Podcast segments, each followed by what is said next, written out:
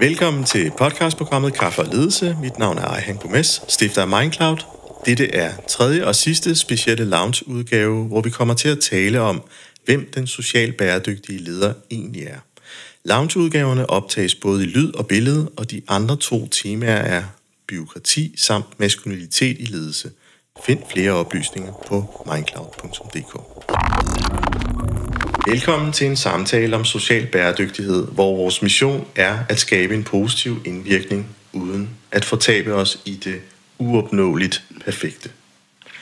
Jeg erkender, at vi som socialt bæredygtige ledere står over for en farverig palette af udfordringer og muligheder, og det, der er lige præcis det, der gør den her rejse en lille smule spændende.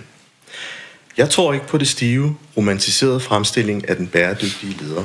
Nej, jeg er til virkeligheden de små skridt, de store spring og alle fejltagelserne, der gør os stærkere. Vi er alle forskellige med vores unikke kapaciteter og idéer. Vores tilgang er ikke at skabe en byrde, men at integrere bæredygtige vaner i vores hverdag, fordi vi ved, at det er der forandringen sker. En atmosfære af samarbejde og åbenhed og tage højde for mangfoldighed og inklusion som nøgleelementer i vores rejse. For vi ved, at de bedste idéer trives i et farverigt miljø. I dag er socialt bæredygtige ledere en, der forstår betydningen af at balancere økonomiske, sociale og miljømæssige hensyn. De erkender, at ledelse ikke kun handler om at opnå økonomisk succes, men også om at bidrage til samfundet og organisationens velbefindende på en bæredygtig måde. Denne udvikling afspejler samfundets stigende bevidsthed om det sociale ansvar og bæredygtighed og demonstrerer, hvordan lederrollen har ændret sig over tid for at imødekomme disse skiftende forventninger. Men har vi tilføjet lederrollen så mange forventninger, at det er lidt som at romantisere rollen mere end hvad et menneske kan løfte. Så kravet til rollen ikke er bæredygtigt. Mine gæster er Morten Binge, tidligere kommunaldirektør for Tornby og Glostrup Kommune. Det er Marco Damsgaard, som er øh, skoleleder for Timbjerg Skole og politisk aktiv i Herlev Kommune. Og sidst og ikke mindst, Jette Runkel, som er fri fugl præsident for Røde Kors og aktuelt øh, som medforfatter til sin nye bog, God øh, offentlig ledelse i mellemrum. Velkommen til. Tak. Tak. Tak. Morten, når du ser tilbage, har du bemærket en mærkbar forandring i ledelse? Ja, det er der ingen tvivl om, at øh, jeg har. Altså, hvis man går tilbage til, til da jeg startede som leder i, øh, i år 2000, og så spoler tiden frem til nu, altså cirka næsten 25 år, så tænker jeg, at der er, der er sket en hel del. Noget af det, der blandt andet er sket, det er jo, at der er sket en, en meget stor professionalisering af ledelse, i og med, at man med overenskomsten i 8 ligesom lagde an til, at, man, øh, at, at alle ledere skulle have den her fælles øh, ledelsesgrundlag at stå på, som blandt andet kommer til udtryk i den offentlige lederuddannelse. Mm.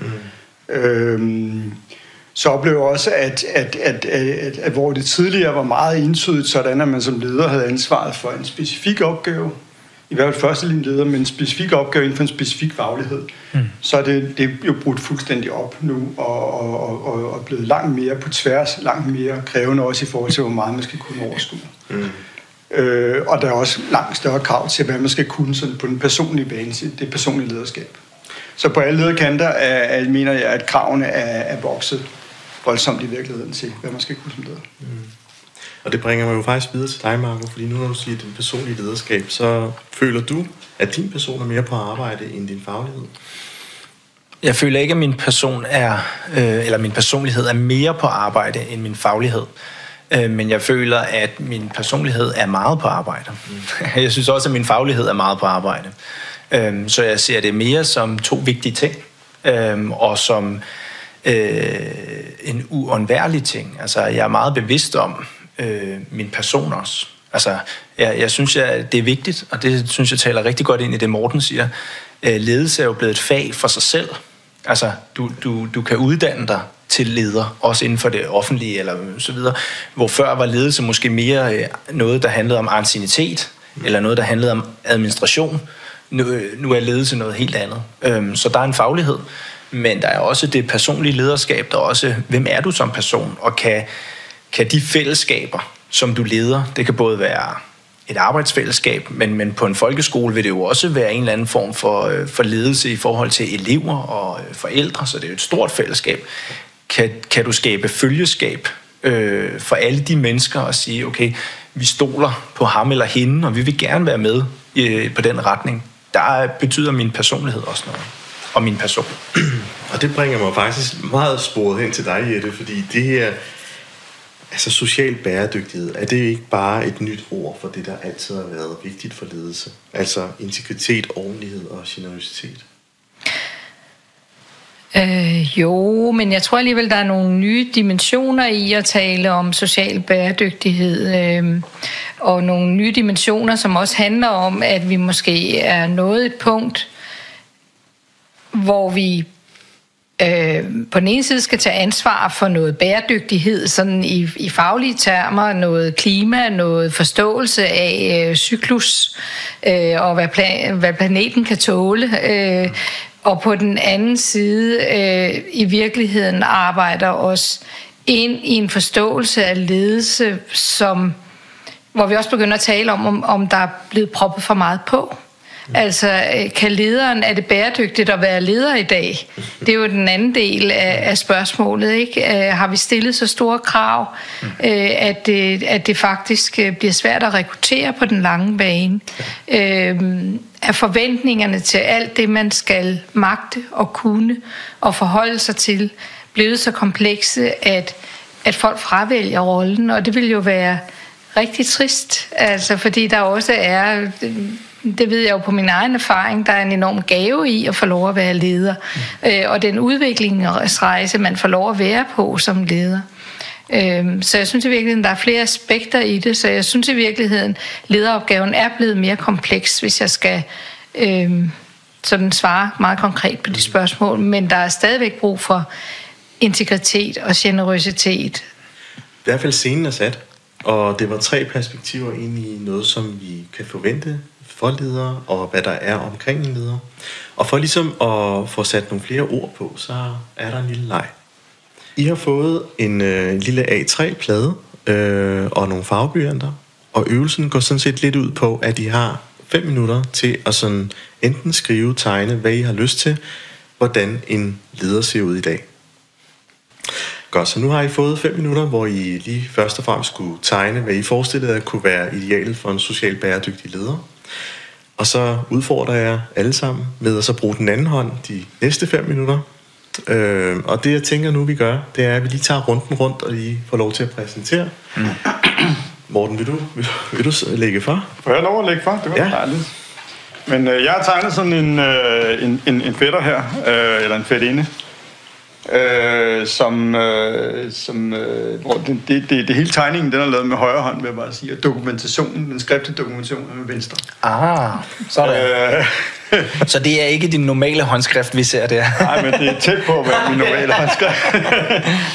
øh, men det jeg har, det er ligesom, da jeg startede med at, at, at tegne et meget stort hjerte, og tænkte, at det er, det er nødvendigt at have et stort hjerte. Mm. Øh, for, og det er jo øh, altså, nødt til at have et stort hjerte, både for sine medarbejdere og for, sine, for de borgere, man har med at gøre. Mm. Tænker jeg. Med begge dele skal der være plads til i hjertet.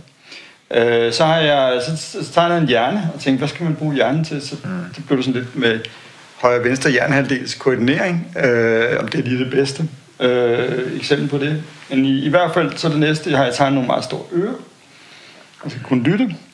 Så tænker man også, skal have en mund, og hvad skal den mund først og fremmest kunne? Det skal kunne smile mm. Vær glad. Mm. Også gerne synge lidt, altså jeg tegne et par noter, noter her. Øh, så skal man også have en mavefornemmelse øh, for hvad der er godt, og så for neden, så skal der være nogle meget korte ben, øh, så man er opmærksom på, at man skal økonomisere med, hvor langt man går på sin organisationsvejen. Øh, og så skal man have nogle meget øh, store og meget øh, fagnende arme, der kan, der kan fagne øh, de, dem, der er omkring en på en god måde. Og hvad skete der, da du skiftede hånd? Fordi der siger du så, at du er gået over og så give dokumentationen på, som du så fint sagde. Jamen det var fordi, jeg havde lidt svært ved det der, fordi jeg synes egentlig, den var færdig. Ja. Så det der med at fortsætte med venstre hånd, så tænkte jeg, hvad skal jeg så gøre? Men jeg havde jo egentlig ikke skrevet nogen stikord, så tænkte mm. det kan jeg så gøre. Så mm. sidder man jo også og tænker lidt mere over, mm. hvad det egentlig er, man har lavet, når man så mm. prøver at skrive med venstre hånd. Der er jo det, man siger, at når man er højrehåndet, så bruger man venstre hjernehalvdel, og så ja. omvendt. Ja, så det, der var du... i hvert fald noget med det der koordination mellem venstre og højre. Ja. ja. Spændende. Hvad tænker I andre? Den er fed. Ja, det er super fint. Ja. Og jeg synes, at det er, jeg synes, øh, jeg kan genkende det i min egen tegning. du- Øh, og det tror jeg måske går igen, men, men, øh, men der er også nogle andre ting, altså, som jeg synes er gode. Jeg kan, øh, jeg kan godt lide den med ørerne. Altså, øh, det, det, er, det er jeg meget enig i, det her med, at man bliver nødt til at være øh, god til at lytte mm. øh, jo til det hele, mm. øh, og forstå mm. på en eller anden måde. Og så mavefornemmelsen, den havde jeg ikke selv tænkt over, men det er rigtigt, der er noget intuition i det også, at være en, en bæredygtig leder. Hvad, hvad med de korte ben? Altså, man skal gå med korte ben for organisationens vej. Økonomisere. Økonomisere, sådan var Altså, det. vær, vær opmærksom på, at ens ben er meget korte. Øh, så, fordi nogle gange, altså vi, vi, det, jeg tænker, at en af de, de, store øh, udfordringer, det er, at man sætter for meget i gang, man får for høje ambitioner for, er hvor langt man kan nå. så det der med at være opmærksom på, at man har nogle meget korte ben. Så det, man, de, de, de, de ture, man sender sine medarbejdere ud på, skal man være meget opmærksom på, at det også er umiddelbart værd. Ja. Og det, at man kommer kortere, end man tror ja. Det er en god pointe. i virkeligheden. Ikke? Ja, pointe. Ja. Tusind tak, Morten. Den tror jeg kommer til at arbejde videre i vores dialog. Det kommer jeres billeder også til, mm-hmm. eller tegninger, undskyld. Mm-hmm. Øh, men jeg tror, vi lige tager runden rundt, og så vender vi sikkert stærkt tilbage til, til, til hvad der resonerer i forhold til billederne og det, vi kommer til at tale om. Marco? Yep. Hvad, Jamen, vi er jo lidt derhen af, ligesom Morten. øhm, Også hjerte. Ja, der er nemlig også et hjerte, og det, det skulle være rødt, øh, og det skulle være tydeligt. Så hvis, hvis vi starter med lederen her, så, øh, så skal man have hjerte. Øh, og, man, øh, og, og det er jo rigtigt, det er jo både medarbejdere, men for mig lige det, jeg tænkte på, det var det her med, man bliver nødt til at, at brænde for det, man er leder for, og den kerneopgave, der ligger. Øh, den skal betyde noget. Øh, hvis der ikke er engagement øh, og vilje øh, oprigtigt i hjertet, det bliver sådan meget... Øh, men, men, men så tror jeg ikke, at, at det smitter af, eller at, at, at, eller at man kan gå hele distancen som leder selv. Mm. Så det, det er vigtigt. Øhm, så øh, havde jeg også tegnet nemlig en glad mund, og det er fordi, at jeg, øh, man bliver nødt til at have, og det kan lyde så forkert, det kan vi jo komme til at snakke meget om i dag, tror jeg, men man bliver nødt til at have styr på sit humør i en eller anden grad. Ja. Der findes ikke noget værre end humørsvingende ledere. At må man så ikke være menneske? Må man så ikke blive engageret, eller blive frustreret, eller blive påvirket? Det må man godt. Men du bliver nødt til at have en eller anden form for balance, kontrol, føling med dit eget humør. Mm. Hvis, du er, hvis du altid svinger i det der, og kan blive meget vred, eller meget glad, eller meget... øh, Altså, det er det mest utrygge for en organisation eller for medarbejdere. Så, så du, humøret er vigtigt. Øhm, og så smitter det af at have en leder, som er i godt humør. Øhm, så jeg tegnet blå øjne, og det er meget vigtigt. Det er altså ikke noget med, med etnicitet at gøre, eller noget som helst. Øh, men, men det er fordi, der er jo det her ordsprog med at være blåret. Ah. Øhm, og at være blåret er for mig, at man har øh, øh, måske en, en, nogle gange lidt en naiv tro på tingene. Altså en, en øh, sådan lidt en opportunist. Ja. Tror på det. Ja. Tror på, at tingene kan lade sig gøre. Øh, også når det nogle gange ser allermest svært ud. Så man må godt være lidt blåret. Øh, og tro på det gode. Og tro på, at tingene kan lade sig gøre. Ikke? Ja, præcis. Så fik jeg med venstre hånd faktisk tegnet lidt hjerne her, fordi jeg tænkte, det er ikke nok, at man er glad, og man uh, tror på tingene og har hjerte og sådan noget. Der er noget strategi, og der er noget faglighed, og der er... Og så vil jeg faktisk også sige, at... Uh, og så skal man passe på, når man selv er leder at sige det, men jeg tror, at du... Uh, man bliver nødt til at have en vis form for kløgt, og også faktisk, hvis man skal være helt ned i sådan noget øh, øh, naturvidenskabeligt, altså en eller anden form for kognitiv funktion, fordi der er rigtig meget, hvor du bliver nødt til at have en skar, et skarpt hoved øh, som leder, øh, også som bæredygtig leder. Ikke?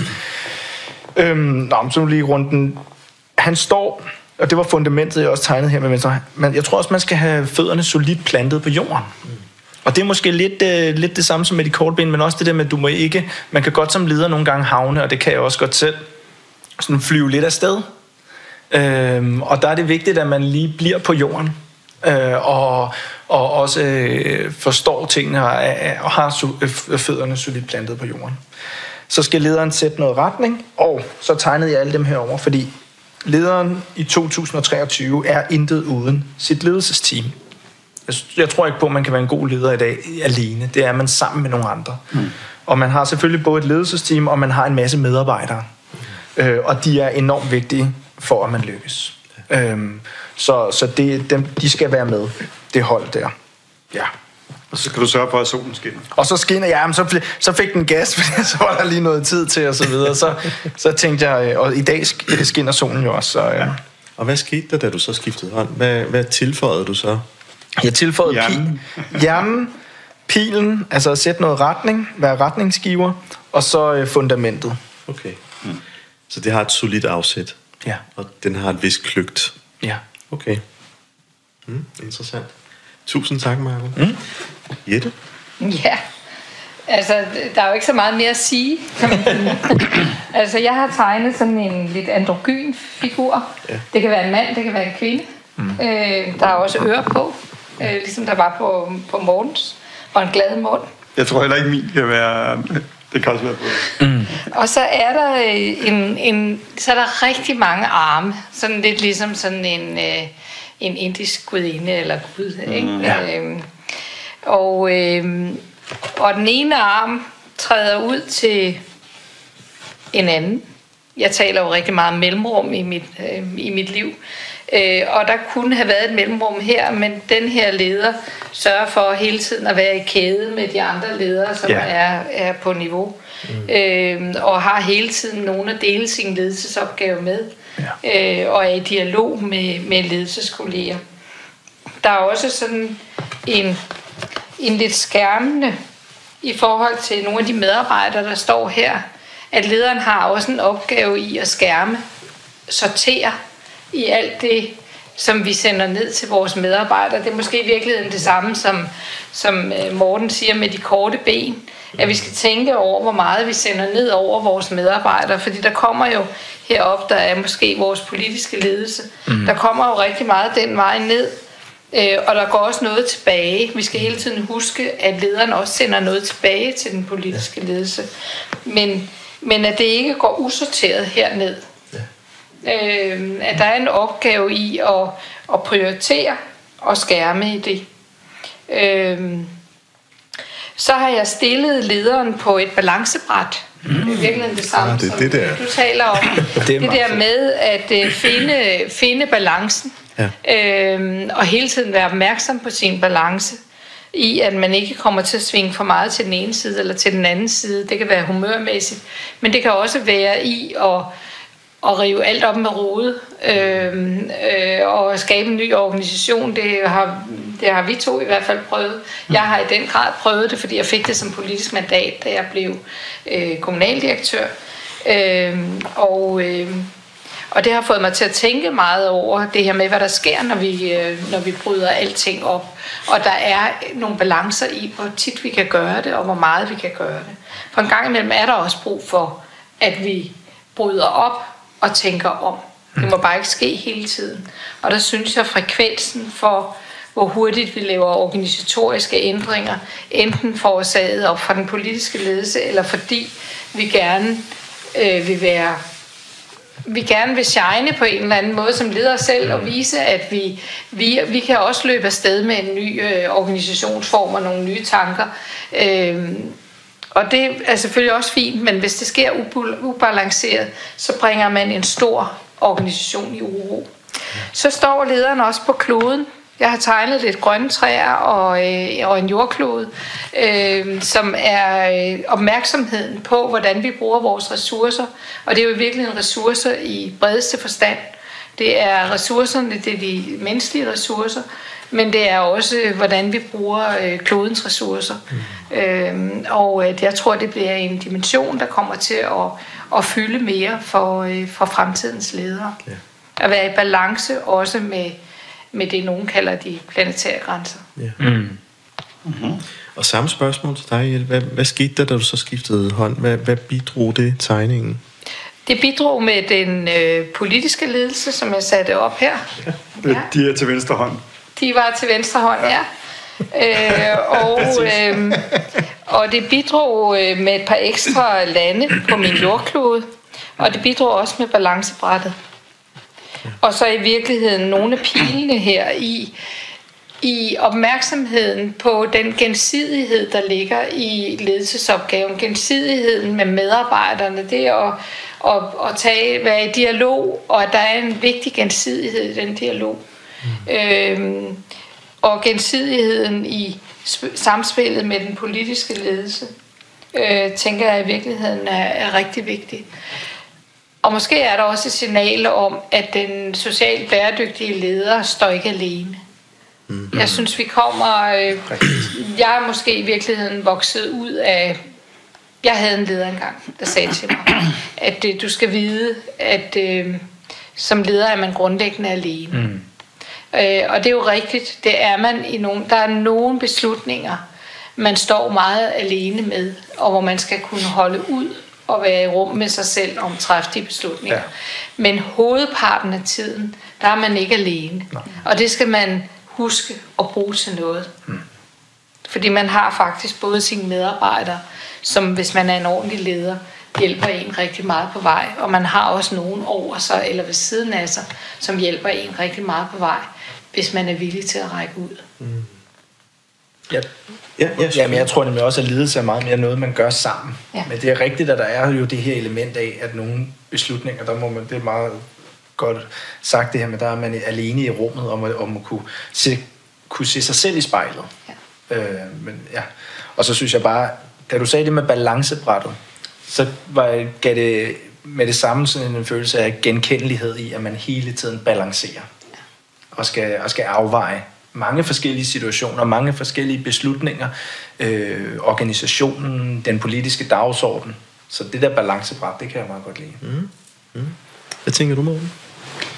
Jamen altså, jeg synes også, at øh, jeg synes også, det giver god mening øh, at, og, og, og, at tænke på det som et, et balancebræt. Øh, jeg kom til at tænke på, nu, nu, nu startede med at spørge mig, hvad der var sket i løbet af de der sidste øh, knap 25 år, som er min øh, erfaringsspændvide. Øh, og jeg tror lige præcis det der, som Jette hun sagde, altså, altså, altså vi blev opdraget øh, ind i, i virkeligheden at tænke det, som man kaldte øh, decentral ledelse, central styring.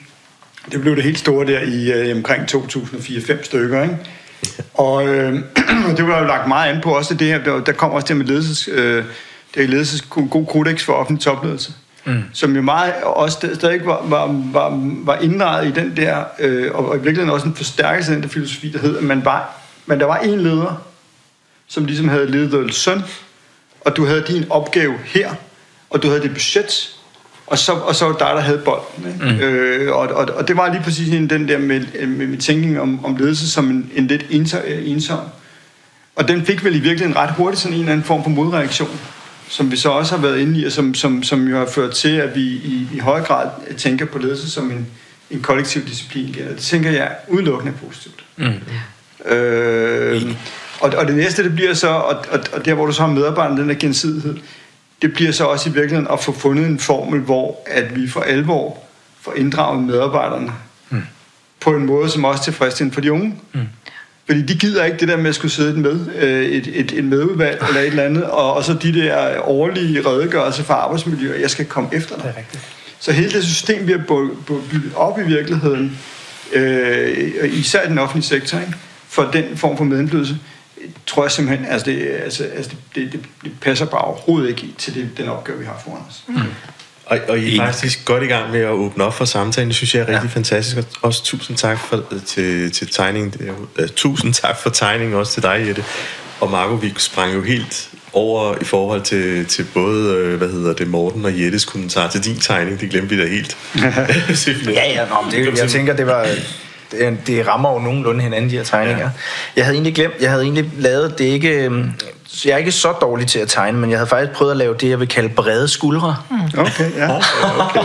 men det havde jeg lige glemt at sige. Men det, var, og så, det, men det blev jeg lige inspireret af på grund af det, du sagde, Morten, fordi at der er måske også en gammeldags tanke, også for mig selv, tror jeg, med, at jeg, jeg og vi ledere skal have nogle brede skuldre. Ja. Det tror jeg, man skal. Ja. Du, du skal have brede skuldre, og, mm. kunne, og kunne løfte meget, og kunne tage meget på dig. Ja. Men når man lykkes rigtig godt her, så lykkes man jo også mere ved, at vi har brede skuldre sammen. Ja. Altså det der med brede skuldre i fællesskab, og det er noget af det, som jeg synes, du taler ind i med, ja. hvordan lykkes vi med den der dagsorden med, at vi, har, vi er et arbejdsfællesskab. Og lederen behøver ikke at løfte det hele, eller tage alle de der beslutninger alene. Dem kan vi godt tage i fællesskab, og så også tage ansvar for dem i fællesskab. Og sådan umiddelbart, hvis jeg så kan drage en eller anden form for parallel mellem jeres tre billeder, så synes jeg, der er et, en hypotese om, at i det øjeblik, I skifter hånd, så arbejder I med noget struktur, noget fundament, noget balancebræt, noget etablering, noget dokumentation, noget, noget rodfæstelse. Øhm, mm-hmm. Jeg ved ikke, om den hypotese holder stik, det ved jeg ikke. Jo. Det er ikke en dårlig hypotese. Nej. Nej. Fordi der er jo et eller andet med, altså hvis vi skulle lave en tegning, der illustrerede en leder for 20 år siden, ville det så have været mere visioner, strategier, fremsynethed, mere en hjerterum og noget af det, som I peger på? Det tror jeg på nogle punkter. Altså det der med, at lederen er ansvarlig for øh, at sætte retningen, og det er lederen jo stadigvæk, men, men vi, jeg tror at i dag, der er vi meget mere i dialog om at sætte retningen. Mm.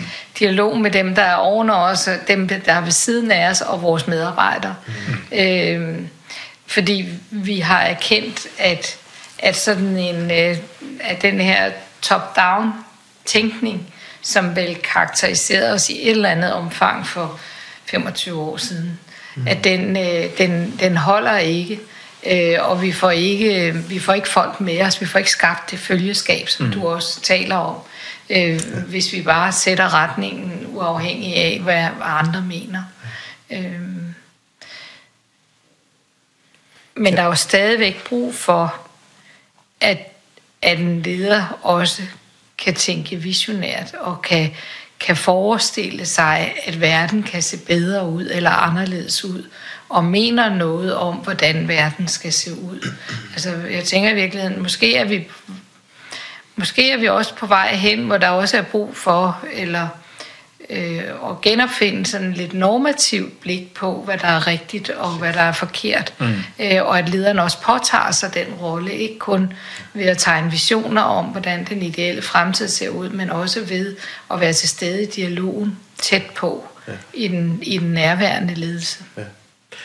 Jeg kan jo ikke lade være med også at tænke, at i det øjeblik, jeg bragte visioner og strategier på banen, så, så fyldte du lige krydserne af på den plade. Så de skal selvfølgelig også være med til en ledelse. Uh, men, og sådan kan vi jo blive ved. sådan kan jeg jo blive ved. Mm. Så hvis jeg nu også sagde faglig indsigt eller mm. uh, driftsansvar, så vil jeg også, ja, det skal der også vinges af på den her plade. Uh, og så er jo det store spørgsmål, vi skal tage efter pausen, det er jo, ja, hvor stor er den plade menneskeligt muligt egentlig at realisere? Mm. Mm. Ja. Ja, så er vi tilbage fra pausen, og jeg tænker, nu har vi fået, øh, fået fyldt lidt op med kaffe og te, og hvad der nu kunne, kunne friste i hvert fald. Og sådan lige sådan umiddelbart efter refleksion med lige at lave den her tegneøvelse, hvad er det sådan, I sådan lægger mest vægt på, eller noget, I sådan har tænkt, gud, det, det åbnede dig op for en, for en forståelse eller refleksion? Hvad tænker I? Jeg synes i hvert fald, det var meget interessant at se de to andre tegninger. Ikke? Altså, øh, i, særligt som jeg også lige sagde til Jette, min egen tegning var fyldt fuldstændig ud med den her den her socialt bæredygtige leder, og, og, og i virkeligheden var, var de korte ben måske nok, fordi jeg havde fået tegnet kroppen så stor, så der ikke var plads til lange ben. Så det var lidt en efterrationalisering. Men det her med at se de andre perspektiver, og, og, og også en måde, som, som Jette og Marco på hver sin måde får tegnet omverdenen ind på. Jette den meget store omverden i virkeligheden, og Marco den sådan lidt tættere omverden. Øh, men begge dele også for, for, for at tage omverdenen ind. Det, det synes jeg var ret interessant. Og så også nogle af, af, af detaljerne i øvrigt. Ja. Ja. Hvad siger du, Marco? Jamen, en god øvelse, en, re, sådan en refleksionsøvelse, fordi man jo også via, at det skal være en tegning, får måske egentlig fundet nogle andre ord, nogle andre begreber, nogle andre værdier frem. Fordi hvordan er det lige, jeg tegner det? Altså, hvordan er det, at, at jeg billedgør det, end hvis jeg bare skulle skrive sådan en uh, bullet-liste med uh, vigtige ting, ikke? Så det, det, det, det synes jeg er fedt. Og så, sy, så, altså, så synes jeg jo, der er noget tryghed i, måske også i at være den... Uh, uh, man kan sige, mindst erfarne her i, i det her rum, i at lave en tegning, som så egentlig afspejler sig meget godt øh, i det, vi er. Altså, der er nogle forskellige pointer, og alligevel er der rigtig mange ligheder. Um, så det er jo altid godt at være med i sådan en øvelse, hvor man kan se, okay, jeg rammer ikke helt ved siden af. Du havde jo muligheden for at lave dine bullet points. Det var sådan fri, ja. øh, så, men ja. I valgte alle sammen at tegne i hvert fald. Ja. ja. Jamen tak, Marco. Hvad tænker du, Jette? Jamen, jeg, jeg tror også, det, altså, jeg synes, det er godt, du siger det der med billedliggørelsen. Mm. Fordi måske er det vejen til også at tale om øhm, ledelsesopgaven fremadrettet. Ja. Øh, og prøve at tegne billeder af, hvordan, hvordan ser det ud. Øh, og, øh, og jeg synes også, det er sjovt, at vi alligevel ender med noget af det samme. Ikke? Du havde dine brede skuldre, og mm. du har armene, der holder rundt om. Ja. Det kan godt være, at du ikke har omverdenen med, men man kan jo tydeligt se, ja. at der er en omverden mm-hmm. øh, på din, som, som, som lederen på en eller anden måde skal fagne og forholde sig til. Ikke? Ja. Øh, men, men jeg tror, jeg tror, at det der med billedliggørelsen er, er vigtigt, når vi også forestiller os, hvad ledelse skal være på den længere bane. Ja. Og det åbner jo lidt op for nogle spørgsmål, og jeg vil egentlig starte med den første, som I kan se på skærmen her. Det er jo, om der er risiko for, at fokus på social bæredygtighedsinitiativer hos en leder kan føre til, at det bliver en overbelastning. Altså en leder undgår udbrændthed, mens han eller hun arbejder på at opnå social bæredygtighedsmål. Altså, det er jo et dilemmafelt. Skal vi jo, hvis man er mere socialt bæredygtig, så er der noget mere work-life balance. Øh, omvendt, hvis man skal fagne alle på sit arbejde, jamen så må det jo koste et andet sted. Og hvad betyder det på sigt? Mm. Så det er sådan en fri åbning. Hvad tænker I umiddelbart? Jeg, altså, jeg, jeg har tænkt sådan to ting umiddelbart på, på det der, fordi jeg, jeg tror, der kan være mange forskellige perspektiver på, hvad, hvad mener vi egentlig, når vi siger socialt bæredygtig leder? Ja. Det kan være meget forskelligt, ikke? Øh, kan, kan det være, altså mener vi så lavpraktisk, at det er at det, man har personen med på arbejde, som vi snakkede om før, men også det med, at det er jo en eller anden form for social konstruktion eller social kontekst, der er jo et arbejdsfællesskab, der er en organisation osv. Jeg tror, det vigtigste som leder til at starte med er, at det, at vi snakkede om følgeskab før, er ikke det samme som, at det er en popularitetskonkurrence. Mm. Altså du skal jo som leder kunne stå i det felt, igen balancebrættet, med at du bliver nødt til at skabe mening, værdi i mine øjne for dem, du arbejder sammen med, og dem, du leder, og en eller anden form for følgeskab. Men du skal også kunne være i, at du i en eller anden form for socialt arbejdsfællesskab nogle gange er den upopulære, tager de upopulære beslutninger. Du skal jo ikke gøre det bare for at være upopulær. Men altså, så, så, så det er også vigtigt, at man som bæredygtig leder kan stå i de situationer og, og, og forstår, hvad det vil sige. Ikke? Altså, at det ikke er en popularitetskonkurrence. Det var sådan den ene del. Den anden del tror jeg meget mere, det er noget i hvert fald det, jeg sådan er blevet markant bedre til i, øh, i de 10 år, jeg har været leder. At det er at, at være øh, mere øh, øh, tro mod mig selv og kunne være mere rolig i også at begå fejl. Og vide også selvfølgelig, og det er jo en selvfølgelighed, men jeg er ikke perfekt, og jeg skal ikke være perfekt. Øh, da jeg var øh, yngre og startede øh, helt ung som viskoleder som 28-årig, der var det jo et, et meget større øh, issue for mig om at stile efter det her med, øh, hvor, hvor perfekt kan man gøre det, og, og hvad nu hvis, forstå mig ret, jeg bliver opdaget, at, at jeg bare er Marco. Ikke? Mm. Det står jeg meget bedre i den dag i dag, at jeg selvfølgelig bare er Marco. Ja. Ja. Hvis det giver mening. Så der er nogle forskellige perspektiver i det. Ikke? Jo. Men det kræver noget erfaring. Ja, den, den spiller meget ind, den her erfaring. Den også, jeg kan ikke lade være med at tænke på imposter syndrome. Øh, jeg er heller ikke rigtig podcaster, men... Nej, nej. jeg kan vide, hvornår jeg bliver ja, afsløret. Ja, ja, præcis. men, men det er jo måske også det, der er på spil. Altså, jeg, hvis jeg lige må spørge ind til det, fordi... Øh, det her med at være oprigtig med sig selv og mm. kende sine egne grænser, for mm. det er et eller andet sted, det du introducerer. Ja Øh, grænser er en sjov størrelse. Og, og altså, hvad sker der, når, når, når driften presser på? Mm. Ja. Giver du så efter? Mm. Ja, altså så kan man, jeg tror, og det er jo igen, der kan være så mange forskellige perspektiver i det her. Hvis når driften presser på, og tingene presser til, så kan man jo godt ryge ned i det spor, det kan jeg også godt se mig selv i. Men så arbejder vi det hårdere, eller så arbejder vi det mere. Altså, så får man tingene gjort, ikke? Og det er jo et uholdbart spor at fortsætte nedad. Mm. Så, så, men, men, og derfor er der så for mange, der, der er jo arbejdspresset i det, at hvor mange timer lægger man, og hvor meget arbejder man osv. Og, og så er der det mere sådan mentale, det psykiske, det med, at hvem er man som person, og hvor, hvor sætter jeg mine grænser der? Mm. Øh, kan jeg stå i det? Ikke? Så, så, så, så det tror jeg da godt, at alle ledere kan ikke genkende til. Øh, hvornår, øh, hvornår er man presset, og hvornår ryger man ud af det spor, af, hvor man også skal sige stop og sige, øh, nu har jeg også brug for en pause, eller nu har jeg også brug for, at der er nogle andre, som i fællesskab med mig løfter den her opgave. Øhm, man kender også det der med, at arbejdspresset kan blive så stort, at man kommer til at lukke sig selv inde i det. Mm. Der, hvor man jo faktisk allermest har brug for at sige hjælp.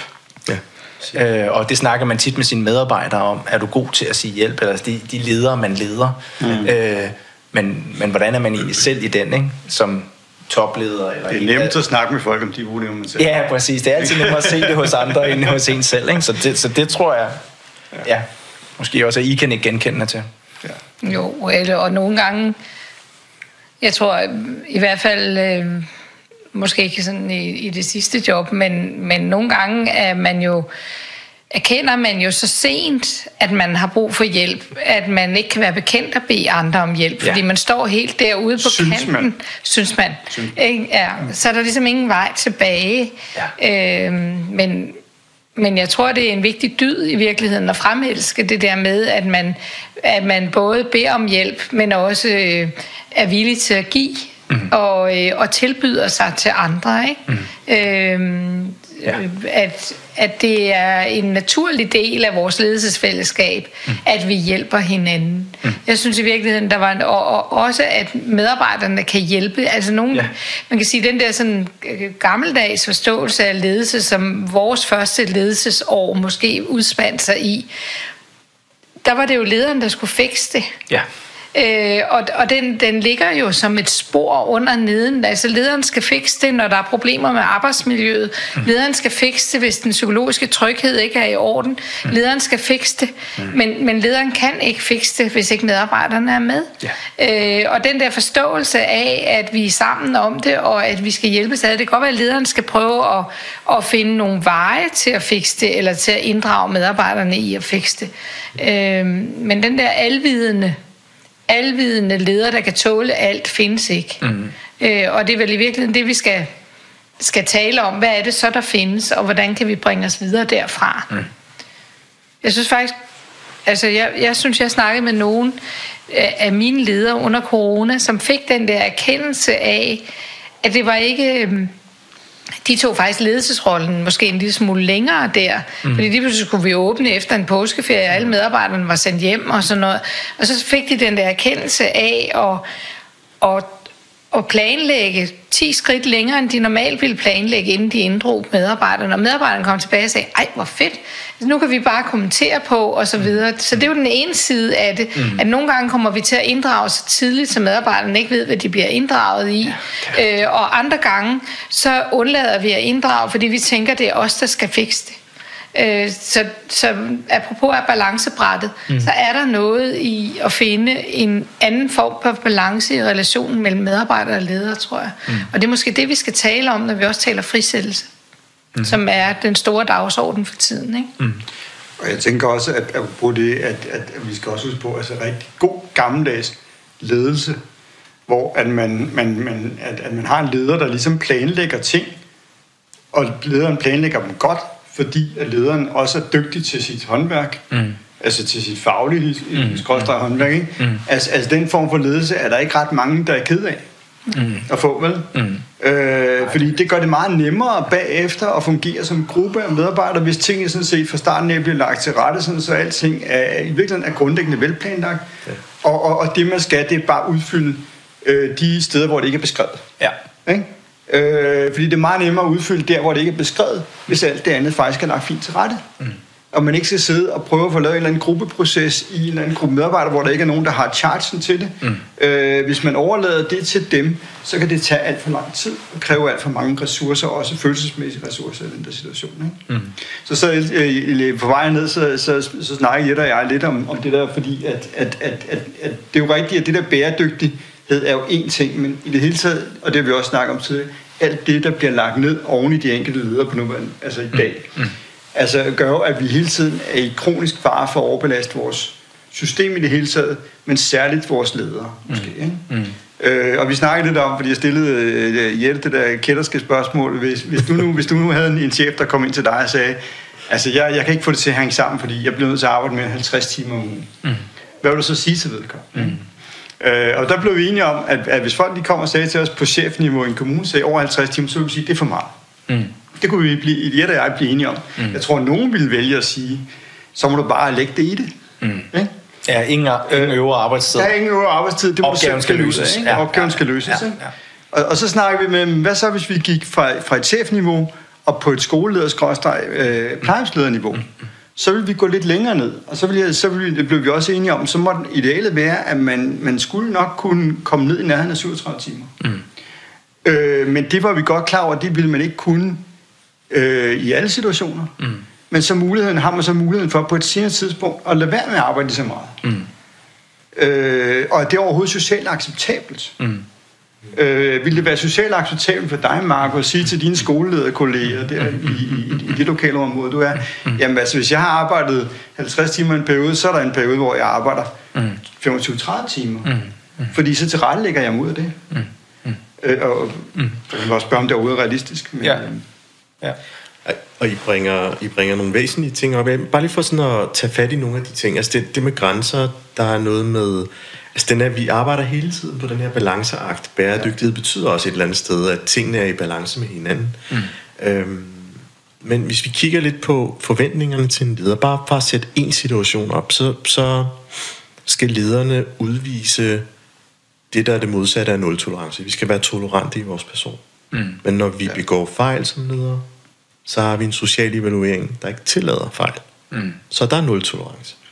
Så har vi skabt et normativt, måske, måske i samfundet, eller omkring en rolle som leder, som gør netop, at, at lederen netop skal stå på en balanceakt på, til en organisation, der endnu ikke har modnet til at kunne rumme den leder, som vi har brug for i dag. Uh, det var svært Ja. Jeg, jeg tror, jeg, jeg, jeg vil i hvert fald... Ja. jeg vil i hvert fald ikke være helt med til... Jeg, jeg, jeg kan godt forstå øh, billedet, men jeg vil ikke helt købe præmissen om, at man som leder, at det er øh, i socialt uacceptabelt at lave fejl. Jeg tror, der vil blive lagt mærke til, når ledere laver fejl. Øh, men jeg tror også på, at hvis, hvis en organisation skal være velfungerende, eller et arbejdsfællesskab skal være velfungerende, så skal vi jo også have nogle ledere, som tør at lave fejl, og som bliver accepteret i at lave fejl. Det er, der er altid noget med mængden af fejl, øh, graden af fejl. Er det, de, er det den samme fejl, du bliver ved med at lave igen og igen? Det er klart. Men, øh, men der, hvor du har øh, et, et socialt bæredygtigt arbejdsfællesskab og den socialt bæredygtige leder, øh, så er det jo en del af det, at man også går forrest i det. For det er jo igen det der, det vil være hult at sige til medarbejderne. Det er vigtigt, at I tør, det er vigtigt, at I har mod til at prøve ting af, og hvis I begår en fejl, så lærer vi af det osv. Så skal vi også kunne være i det. Ikke? Mm. Øhm, det tror jeg faktisk rigtig mange medarbejdere er helt med på. Og faktisk også godt kan lide at se mennesket i, altså øh, den, som, som tør at være der. Mm. Øhm, ja. Men er målereferencen for en leder, særligt en topchef, jo mm. ikke sin medarbejdere med en samfundsvurdering?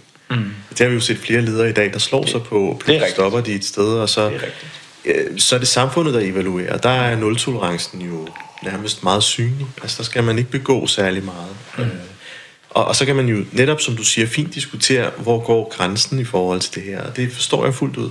Jeg, jeg, jeg tænker ud fra trivselsparametre, jeg tænker ud fra, jamen, hvor lang levetid har en topchef i dag i det hele taget? Mm. Og er der andre ting på spil, udover egentlig at være karrieremindet. Altså det er jo lidt det, jeg sådan øh, er ude i. Og det er derfor, jeg, det er faktisk hele setupet til, til den samtale, vi har i dag. Det er det der. Men, men har vi også skabt præmisserne for, at de netop ikke holder mere end fire år? Det er et godt spørgsmål, det der med, hvad, hvad det, der gør, at man ikke holder, ikke? Altså, det, i, i forhold til den her samtale, så vil jeg kigge lidt på, på din profil, mm. Marco, ikke? Og, og noget af det, som jeg rigtig godt kan lide ved din profil, det er sådan en stilfærdig ting, som at du har været 10 år på den samme skole. Mm. Øh, og, øh, og du, selvom du, øh, du, du tydeligvis har en masse at, at, at komme med, øh, ikke har valgt ligesom at sige, så skal du hurtigt videre i karrieren. Mm øh, efter, efter en 3-4 år på, øh, i sådan en stilling, som du har nu, kunne det jo godt være fristende i virkeligheden at sige, nu, nu, nu driver jeg videre til noget andet. Mm. Apropos måske inden der er nogen, der opdager, mm. hvem du i virkeligheden er, ikke? Ja. Altså, når du har, når du har været 10 år samme sted, Det er så mener så bør du også Ja. kunne hvile i, i, i den, du er, ikke? Men det er også Ja. det, man har brug for, sådan en skole har brug for, Ja. at du gider at blive der. Ja. Ikke? Øh, og, og det ikke, at det, at det, at det personlige projekt, Marco, mm. måske træder lidt i baggrunden for, at det samfundsmæssige projekt, der hedder, hvad er godt for den her skole? Mm. Øh, og og, og der, der, når jeg kigger på min egen klasse, øh, min egen øh, stand af, af embedsmænd, og, og, og også mig selv inklusiv, ikke? så kan jeg jo godt kigge på det der med, at, at, at, at vi lidt, altså også topembedsmænd, lidt bliver sådan nogen, der, der flytter sig med en vis Ja. en, en vis frekvens. Nogle gange imod øh, vores vilje, og nogle gange med vores vilje. Ikke? Mm. Øh, og, og, og, og det sådan lidt bliver sådan, at man så, man så flytter rundt og varetager funktioner forskellige steder. Øh, Nogenlunde ud fra de samme idealer, men fordi at kontinuiteten bliver lidt, lidt kortere. Ikke? Så det, tilbage til det spørgsmål, du stiller, han, er, er det egentlig fordi, at opgaven bliver for vanskelig, vi flytter os? Eller, eller er det fordi, at, at vi har et personligt projekt, mm i vores individualiserede verden, som det ser ud nu. Vores, vores profil på LinkedIn, skal, den skal se godt ud og sådan noget. Ikke? Øh, hvad er det egentlig, der driver værket? Er det, er, er, det, er det, at vi selv vælger det, eller er det, at vi bliver trykket ud i, øh, i andre opgaver? Ikke? Mm. Og der tror jeg, det, det er begge dele. Fordi jeg tror også, du har ret i, Ejhan, at, at, en del af de jobs, vi har fået kreeret, er også rigtig vanskelige at være i. Ja. Og de er vanskelige at få langsigtet succes i. Øh, så derfor så er der også, øh, vil der også være en vis øh, driver så til, at, at, at når du så står på, på, på kanten af, nu har man ikke udsigt til langsigtet succes, så kan det godt være mere attraktivt at, at komme videre til, til et andet job. Ikke? Mm. Øh, også lidt der græsser måske, man håber på, at græsset er grønnere mm. på den anden side. Mm. Mm. Det er det så måske ikke så tit. Men.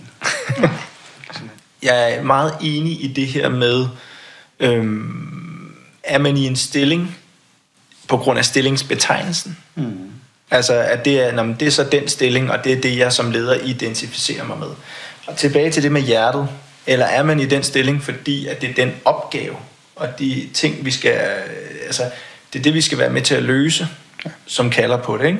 Og der kan man jo godt se sig selv øh, forlade den opgave øh, for tidligt, hvis det er det spor, vi skal køre i, fordi det er vigtigere med stillingen, eller den stillingsbetegnelse, man har, og nu skal man videre. Men hvis opgaven ikke er løst, og hvornår er en opgave nogensinde løst i det offentlige og så videre, ikke? Men altså, jeg kan da i hvert fald, jeg, jeg er da pavestolt for at være ærlig over, hvordan Tingbjerg har rykket sig set over 10 år. Ja. Og det er jo og på ingen måde alene mig, men det har jeg været med til. Ja. Mm. Øhm, og det kan jeg da, altså, så kunne jeg godt have forladt det fem år tidligere, men der var vi jo slet ikke i mål med det der. Og vi kommer jo nok aldrig helt i mål, men vi bevæger os i den rigtige retning. Det var jo oprindeligt derfor, at den ledelsesopgave var spændende. Ja. Så tilbage til det, at der faktisk er et formål med det, og ikke kun selve det, at det er en, en, øh, en stilling. Mm. Ja. Ja, altså jeg... jeg, jeg, jeg det resonerer ikke rigtigt, kan, Nej. kan jeg næsten høre. Øh, må, måske er det også, jeg tænker ud fra den kontekst, hvis man lykkes som leder i en organisation, øh, så er der en tendens til, at så får man større ansvarsområde. Og det ikke nødvendigvis betyder, at øh, man så er dygtig på en større skala. Mm. Man er dygtig i den lille indsats, men så får man mere ansvar. Så er det ikke sikkert, at man er dygtig mere. Nej. Øh, og det kan også godt være, at den individuelle leders evne til at sige fra og sige stop, netop på grund af det ydre pres, der er, om det, det kan jo være godt i forhold til mine karrieresteps. Mm. Øh, at det gør, at jeg, hvis jeg gør det her, så er der muligheder for nogle åbninger senere. Så det ligger lidt sådan implicit i, mm. hvis jeg siger nej for mange gange, så er jeg ikke den næste, der er på tur, eksempelvis. Mm. Og, og det er egentlig det, jeg, jeg taler om, det er sådan noget, jamen, hey, du, du lykkes med det, du gør, øh, og vi måler dig faktisk også med hjertet, og ikke kun på resultaterne. Mm. Det er det, jeg mener med, om en organisations normative niveau slet ikke er gearet til. Mm. Altså, vi, vi, vi, vi, vi måler måske en kommunaldirektør på evnen til at have grønne tal på bundlinjen, mere end vi måske måler dem på følgeskab.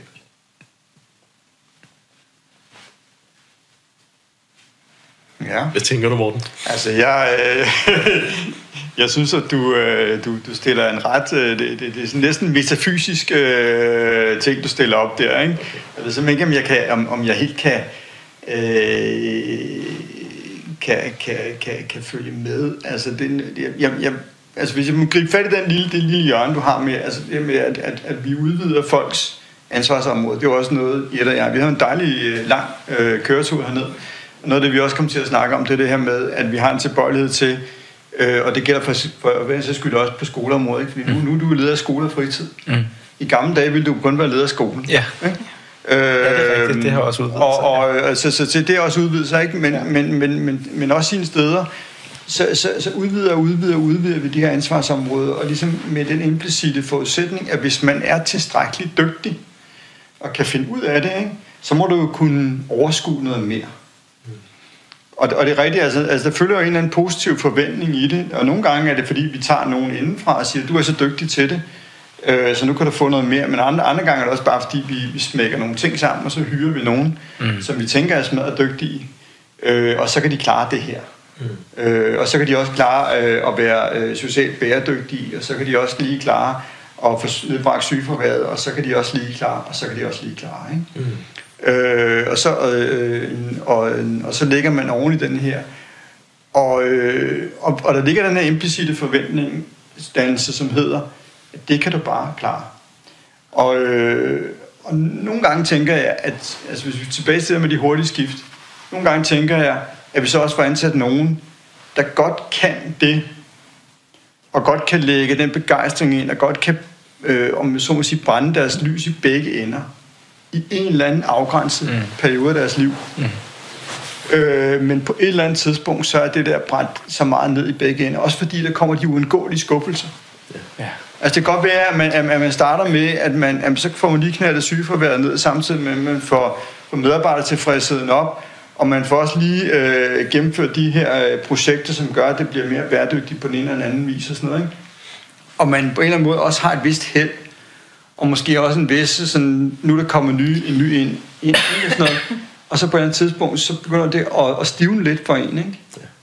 Ja. Øh, og så kan det godt være, at sygeforværet faktisk stiger igen. Øh, og man begynder, nogle af de ting, man havde succes med, ikke længere er succesfulde. Og til gengæld så har man brændt, altså så har man brugt så meget energi Øh, og så kan det også blive rigtig svært. Mm. Så det med, hvordan, hvordan over en længere periode fastholder man øh, sig selv på et niveau, hvor man også er øh, altså reproduce, kan reproducere sin energi, for eksempel. Mm. Mm. Det var det vigtige spørgsmål. Mm. Og der er vi vel tilbage i bæredygtighed, ikke? Ja. Altså fordi det at reproducere sin energi handler jo også om, at man at man er andet og mere end sit arbejde, ja. og, at man, øh, og at der er en work-life balance, og at der er en feedback på kultur, og også på arbejde, som gør, at man, at man får noget øh, feedback på det, man gør godt, og det, man kan gøre bedre. Hvis man ikke får det, og der må man vel sige, jo mere leder man bliver, jo mindre feedback får man. Det, det ved vi to i hvert fald. Mm. Man får faktisk ingenting. Mm. Så, så man er nødt til at være meget selvberoende i troen på, at det, man gør, er rigtigt, indtil noget andet bliver fortalt en på en eller anden måde. Ikke? Mm. Øh, og det skal jo, man skal jo virkelig komme langt ud, før der er nogen, der siger til en, at, at det der det er nok ikke helt rigtigt. Ja. Øhm, altså, jeg, jeg tænker, at vi har været på en... Jeg synes, vi er, vi er på en skæv rejse, hvis vi taler om, at vi skal kunne rekruttere dygtige ledere fremad, fremadrettet. Øh, så tror jeg, jeg vil sige, at den her rejse med at nedlægge ledelsestillinger i en uendelighed, som vi faktisk har gjort, det er en skæv rejse at være på. Det er meget populært politisk, når pengene, pengene strammer, så nedlægger vi øh, ledelsesniveauer, og vi nedlægger ledelsesstillinger, og man skal tage et bredere ansvar. Men det betyder, at de balancer, vi efterspørger, altså øh, ja. balancebrættet der, at, at de bliver, de bliver presset endnu mere, og vi kan ende der, hvor du taler om, at man, at man i virkeligheden, man kan gøre det her for en periode, men man kan ikke gøre det på den lange bane, og i virkeligheden vil organisationen have godt af, fleste organisationer vil have godt af, sådan som du faktisk har formået at gøre, og være med på den lange rejse. Mm. Selvfølgelig skal du også noget andet på et ja, eller andet ja. tidspunkt, men, men, men det der med, at vi ikke kun er i lederstillingerne to-tre år, mm. fordi så skal vi flytte os, det, det skaber jo en enorm uro. Mm. Øh, fordi at vi på den ene side skal løse alle de der opgaver, folk forventer, vi, vi løser omkring driften og bæredygtigheden og klimaet og mm. sygefraværet og alt det andet, øh, samtidig med, at vi også øh, tager hånd om vores egen karriere. Ikke? Mm. Øh, men Altså, du er lidt inde på det der karrierespor. Jeg er, lidt, jeg er lidt i tvivl om faktisk, hvor meget karrieresporet fylder i den offentlige sektor. Altså, det er der jo, men det er jo ikke noget, vi taler ret meget om. Men det er jo Nej, ikke sådan meget nok også- legitimt at tale om. Ja, men jeg tror også, at det, jeg tror, grunden til, at vi ikke taler så meget om det, det tror jeg, det er fordi, at, at det ikke, øh, altså det er lidt tabu. Ja. Ja. Altså, altså, altså, altså fordi, at når man ser på, hvor meget det fylder, for eksempel på LinkedIn. Øh, sådan noget med, at når man, når man har fået et nyt job, ikke, så, så vi siger, godt gået og sådan noget. Ikke? Ja. Altså, det er helt tydeligt, at det genererer en masse positiv opmærksomhed Ja. i det øjeblik, man ligesom har flyttet sig et eller andet step opad. Ikke? Jo. Men samtidig så er alle jo meget øh, om, omhyggelige med ikke at tale om det. Øh, de er meget omhyggelige med, at de er der for kerneopgaven. Mm. Øh, de er der for, øh, for øh, og, og, og, og vi har i tale meget det med ordentlighed og sådan noget. Ikke? Altså, det er blevet enormt vigtigt. Det synes jeg også, det er vigtigt. Øh, men nogle gange kommer vi også til at tale om tingene på en måde, så vi, vi i virkeligheden slet ikke har et sprog så for at tale om det, der måske også betyder noget. Mm. Jeg kan også huske, at jeg engang øh, hørte et, et, et meget, meget fint oplæg af en, en, en gammel netværksven, der hedder Jakob, som, øh, som holdt oplæg svarende til et, han havde holdt for medarbejderne, som netop handlede om det her med, at det eneste medarbejderne skulle have for øje, det var løsningen af kerneopgaven. Mm. Ikke? Øh, og på den tidspunkt, så, så, så må jeg altså sige til dem, men altså, øh, hvor er medarbejdernes egne behov Mm. til stede her? Jeg er med på, at, at, at man tidligere har talt alt for meget medarbejderbehov. Mm. Altså, øh, jeg har også hørt en, en, en meget gammel sundhedsdirektør i Københavns Kommune, der skulle have sagt, det er på tide, vi overgår fra personalpleje til patientpleje. Ikke? Øh, så det er Ja. klart, at men, men, men, men i, det, i det øjeblik, at man flytter hele sproget over i den modsatte lejr, og kun har sprog for øh, at tale om andres behov og ikke ens mm. egne, mm. at man ligesom siger, at det er streget sat en streg mm. så viser man noget vigtigt. Der er balancen igen. Fordi man er nødt til stadigvæk at kunne tale om, at også medarbejderne har behov. Ja. Og have den der balance der. Men, men dækker man ikke det behov? Altså jeg, jeg tænker i virkeligheden, når man, hvis man løser kerneopgaven, når man arbejder ind i kerneopgaven, øh, så, så får man jo også dækket noget af sit behov den vej, fordi man, altså hvis man lykkes vel at mærke, og hvis man har det samarbejde, som gør, at man bliver hjulpet, når man beder om hjælp, og man har en leder, der hjælper en med at løse konflikter, når der er konflikter, man ikke selv kan løse, osv. osv. Altså, jeg, tænker jo i virkeligheden, der er en dyb tilfredsstillelse i at arbejde med kerneopgaven, ja. øh, som, som, øh, som kan fylde op i ens øh, kasse med det personlige ego og ens kompetencer og faglighed og sådan noget, ikke? Jo, men helt enig, og, og, jeg, og, jeg, og, det, og det er jo vigtigt. Jeg, jeg skal ikke høre mig sige sådan andet, end jeg mener, en hver ægte arbejdstilfredshed må da sit udgangspunkt i, at man løser sin opgave godt. Ja. Mm. Fordi al anden arbejdstilfredshed er kunstig. Ja. Øh, men, men, men, men, men hvis man flytter så, det er mere, hvis man flytter så, så langt over i den grøft, så man helt negligerer, at der også er andre behov, mm. ja. End, end, end, end, end, end det at, at, at udføre opgaven godt. Ikke? Mm. Øh, så, så, så misser vi altså noget meget vigtigt, og, og, og der er også en, en stor gruppe medarbejdere, som ikke kommer til at nå. ja. Men man kan sige, ja, øh, i, i skoleverdenen, som jeg jo selvfølgelig klart er, er, er mest inde i, der har der været sådan en eller anden form for, øh, det vil i hvert fald være min påstand, forståelse af, at en skoleleder var der for medarbejderne. Ja. Det var ens ja. fineste opgave. Ikke? Mm. Og jeg har i tale sat, øh, og også hørt andre skoleledere i tale sat, men, men det, der bliver rigtig vigtigt at forstå, er, at jeg er jo blevet ansat til børnenes læring og trivsel. Ja. Det, er, det, det er min fineste opgave. Så har jeg en filosofi, en ledelsesfilosofi og en tro på, at hvis vi skal lykkes med det, så er noget af det vigtigste, det er medarbejdertrivsel og medarbejdere, som kan lide at komme på arbejde osv. Fordi at hvis ikke at dem, som er tættest på børnene og kerneopgaven, er engageret og motiveret og alt det der, så lykkes vi ikke med den. Og at det har en vekselvirkning, nemlig lige præcis fordi i 2023, det der giver allerstørst arbejdsglæde, det er faktisk at lykkes med opgaven. Det er det, der betyder noget. Og noget af det, du var inde på tidligere i dag, at de gamle ting, og nu skal man passe på, hvad man siger, men det tror jeg er vigtigt, at vi går derud. De gamle ting som at øh, løn, arbejdsvilkår, arbejdstid og sådan noget, selvfølgelig er det vigtigt. Mm. Men det er ikke på samme måde vigtigt, som det var for 100 år siden, hvor det var altafgørende for, om vi fik et velfærdssamfund eller arbejdsplads eller så videre, som kunne hænge sammen.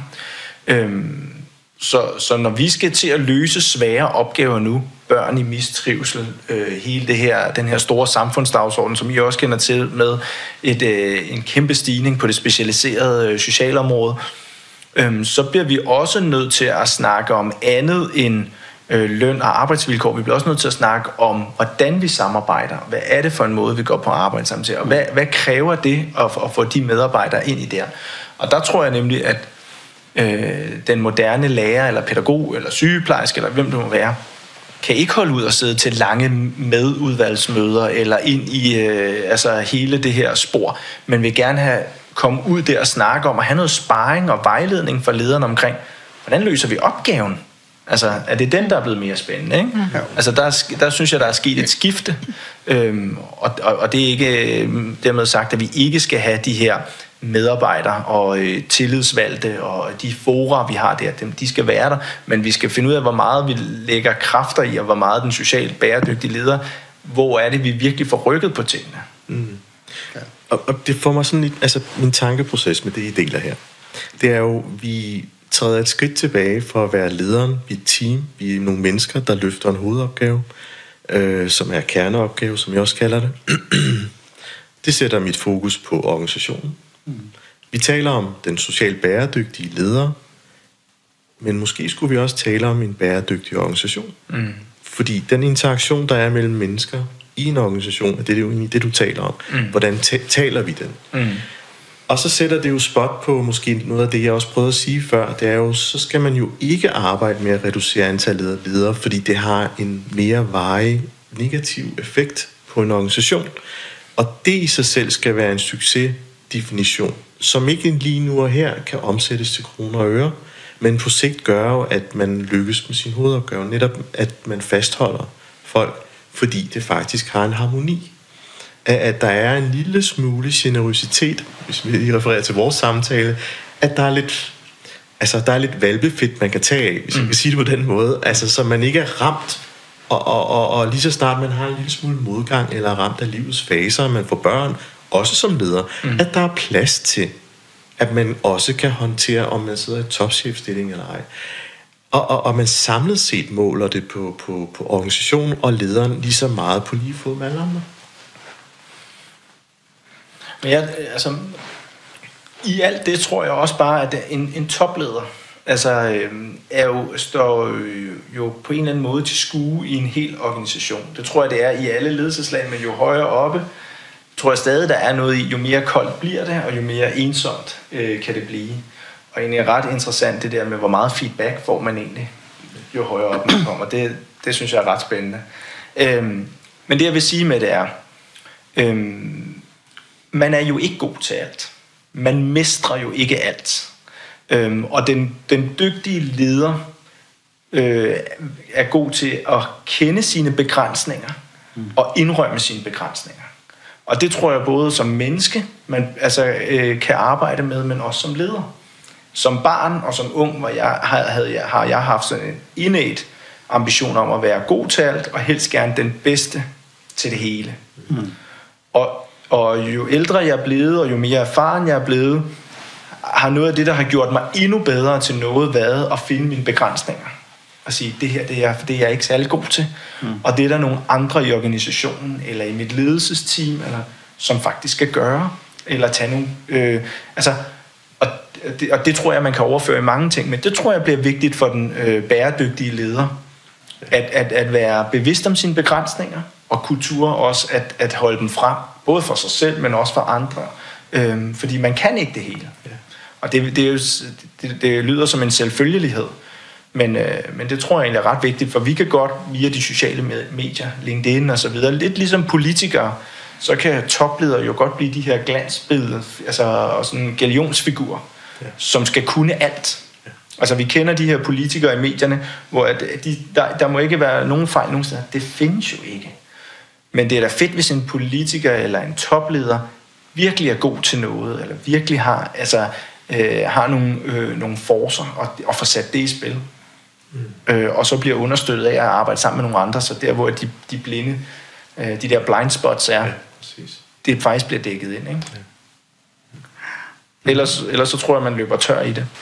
Ja, men altså det, det, det synes jeg var kloge ord, mm. Marco. Øh, og, og, og lige præcis det der med at, at øh, altså kende sine egne begrænsninger. Øh, øh, og at give plads til, at man, man om du er også inde på det, Jette, det der med, hvordan, hvordan skaber man egentlig en organisation, hvor det er okay at bede om hjælp? Mm. Altså, jeg tror, det er meget nemt at finde en, øh, en gruppe, det, det, det, det passer også præcis på mig selv. Det er nemt at finde nogen, der gerne vil hjælpe. Det er ikke ligesom nemt at finde nogen, der gerne vil have hjælp. Nej.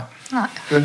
Og, og, og, og, og det gælder i alle mulige sammenhæng. Det gælder også blandt i, hvis du tager en kollegegruppe. Ja. Øh, Hvis du tager et lærerteam. Ja. ikke? Hvem, hvem, hvem, hvem har egentlig lyst til at sige, jeg er ikke særlig god til det her med, at det er elever, der, der, der, der støjer i klassen, er der ikke nogen, der kan hjælpe mig med det? Mm. Hvor tit har du set nogen mm. række fingrene op og sige det? Ikke?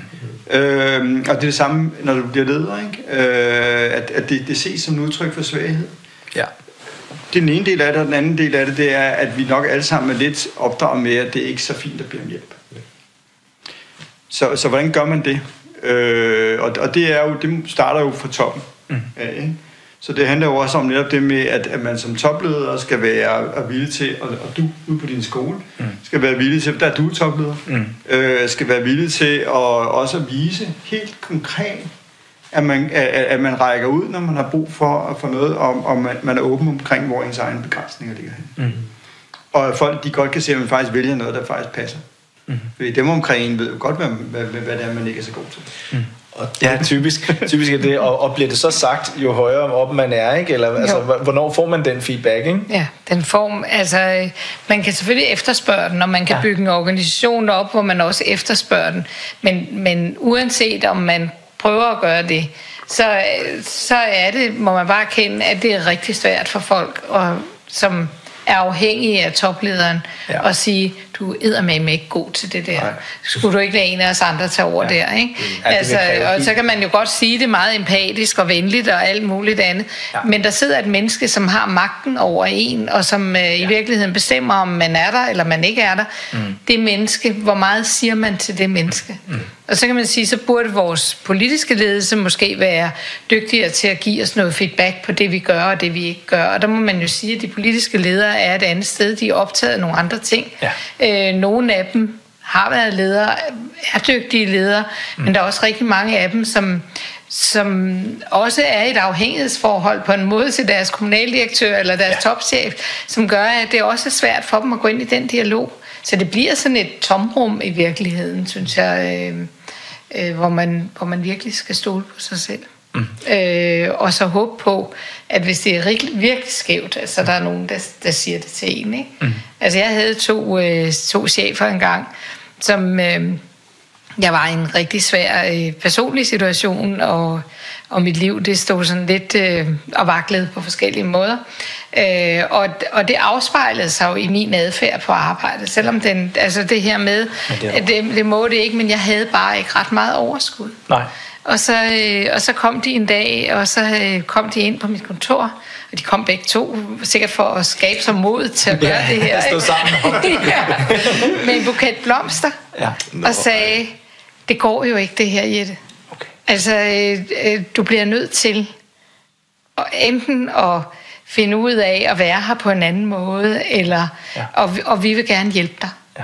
med at Det være var, det en var ikke to måde. mænd, der kom. Det var en mand og en kvinde. Ja, men det, det var kvinden, der havde fundet med blom. Det er, jeg, det er jeg faktisk ikke sikker på. Det er jeg faktisk Men ikke sikker på. Men Altså, det var modigt. super stærkt, og det var super mødigt. Og, og det gjorde jo også, at jeg fik den feedback, som gjorde, at jeg tænkte, okay, det kan godt være at lige i øjeblikket, der bider jeg mig fast med neglen i kanten af bordpladen. Ja. Jeg bliver nødt til at finde en vej til at, at kunne mere end det. Ja. Ikke? Altså, øhm, Ja. øh, og, det, ja, og de var der jo og hjalp mig til ja. det i virkeligheden. Så det, var, det er et godt eksempel. Ja, Et virkelig. rigtig godt eksempel, og det bringer også det her med, øh, det her med at blive genopladt i sine batterier og ja. få mod tilbage til at sige, hey, okay, jeg er trods alt ikke helt væk, Nej. hvad jeg lykkes øh, med det, jeg gør, selvom jeg sidder sådan her på, mm. på kanten. Og det bringer mig, vi skal til at runde af, fordi tiden flyver. Mm. Der er to, øh, jeg lige vil fremhæve her. Christina, som skriver, og det er måske det er meget i tråd af det, vi egentlig taler om, det er om, om en social bæredygtig leder skal, eller en, en social bæredygtig leder skal starte med en rejse, indre rejse, men hvordan kan en organisation sikre, at der er rum til dette? Til den indre rejse. Fordi det vi, den indre rejse må, jeg antager, øh, vi snakker om hjertero, vi snakker om at lade op, vi snakker om at finde de energier, der gør, at man kan lykkes. mm. kunne rumme andres meninger, kunne, kunne være innovativ, mm. kunne hele tiden at, at, at, at balancere i den her fantastiske øh, balance, øh, hvad var det, du kaldte den? Ja, balancebrættet. Balancebrættet, sådan var det, ja. Mm. Så, men det peger jo lidt, ikke så meget på lederen med den organisation, de er i.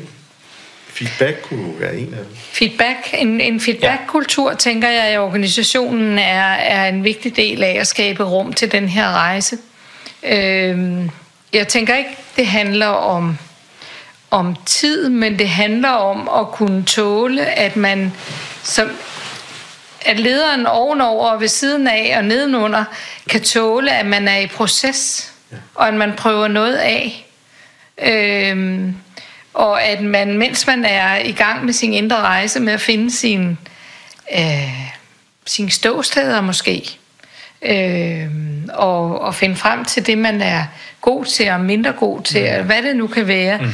at, at, at der kan det være, at man kommer til at skære lidt ud mm. øh, undervejs på sådan en indre rejse. Og den der øh, udskæring, den kan organisationen rumme uden at blive bange. Mm-hmm. Øh, og det kan den jo, hvis man er åben omkring det. Yeah. At lige nu er jeg på en rejse. Kan I, være, kan I tåle, at jeg er på den rejse? Fordi så vil jeg gerne fortælle jer om den undervejs. Det, det tænker jeg kunne være en, en måde at, at gå til det på. I virkeligheden tror jeg, at de fleste ledere er på en indre rejse, og den er øh, altid i virkeligheden. Mm. Øh, fordi hvis man holder op med at være på en rejse i, hvem man er som leder, så skal man nok stoppe med at være leder. Fordi... Det var faktisk også det, jeg læste lidt her, ja. uden at skal klandre ja. Christina noget som helst ja. her, men, men det var måske et behov, der talte mere end et spørgsmål. Men, men jeg øh. tænker også, jeg tænker, at, at, at, at en af de ting, jeg godt kunne tænke mig at, at, at, at, at sætte fokus på, at man skal have i sin organisation, at det er jo rummelighed. Ja. Mm. Øh, og, og rigtig rummelighed, altså så rummelighed, som også omfatter ledere. Altså, øh, men altså, er den der rumlede over for, at ja, at, at, at det ikke alle, der er på samme sted altid. Og man har brug for at, at, at, at have mulighed for at bevæge sig lidt, og også mulighed, og også brug for, at man kan lade en enkelt finke fra panden mm. en enkelt gang, uden mm. at man straks skal blive, mm. skal blive ramt øh, i nakken af det. Ikke? Øh, øh, altså, altså sådan en helt generel rummelighed, mm. som, øh, som gør, at der er plads til mennesker. Mm øh, på alle ledere kanter. Ikke? Øh, fordi vi har brug for at, at kunne rumme. Øh, og vi har brug for, for forskellighed. Og vi har brug for, at, at man ikke skal være bange for at blive fanget. Og det kunne jo hurtigt bringe mig til det sidste her. Det er jo, som Morten der siger, bliver det sådan lidt trendagtigt, som vi også lidt var inde tidligere. Men så længe virksomheden leverer på bundlinjen, så er jo alt fint. Og hvis der er røde tal, så er der jo vel ikke tid til at være fokuseret på de bløde værdier. Så sige, så når alt går godt, så kan vi godt være rummelige, øh, rummelige og generøse, og, men, men når, når vi er kriseramte... Testen, testen på det der, det er jo lige præcis på det tidspunkt. Ikke? Ja. Når, når, når the shit hits the fan der, ikke? Mm. Altså, øh, når, når man kommer i den der situation, hvor at nu er der noget, der er... Og nu om stunder er det faktisk, den offentlige sektor er det jo ikke så meget, hvis du overskrider budgettet. Det er simpelthen slemt nok, ikke? Men altså, hvis du glemmer en indberetning. Ikke? Mm. Den der skoleledelse op i, øh, ja. i, øh, i øh, Rådersdal, eller hvor det var. Ja, ja. Som, som kom til at sidde ja. nogle, nogle, muligvis, muligvis kommet til at sidde nogle, nogle, mm. øh, nogle meldinger overhør i forhold til en lærer. Ikke? Mm.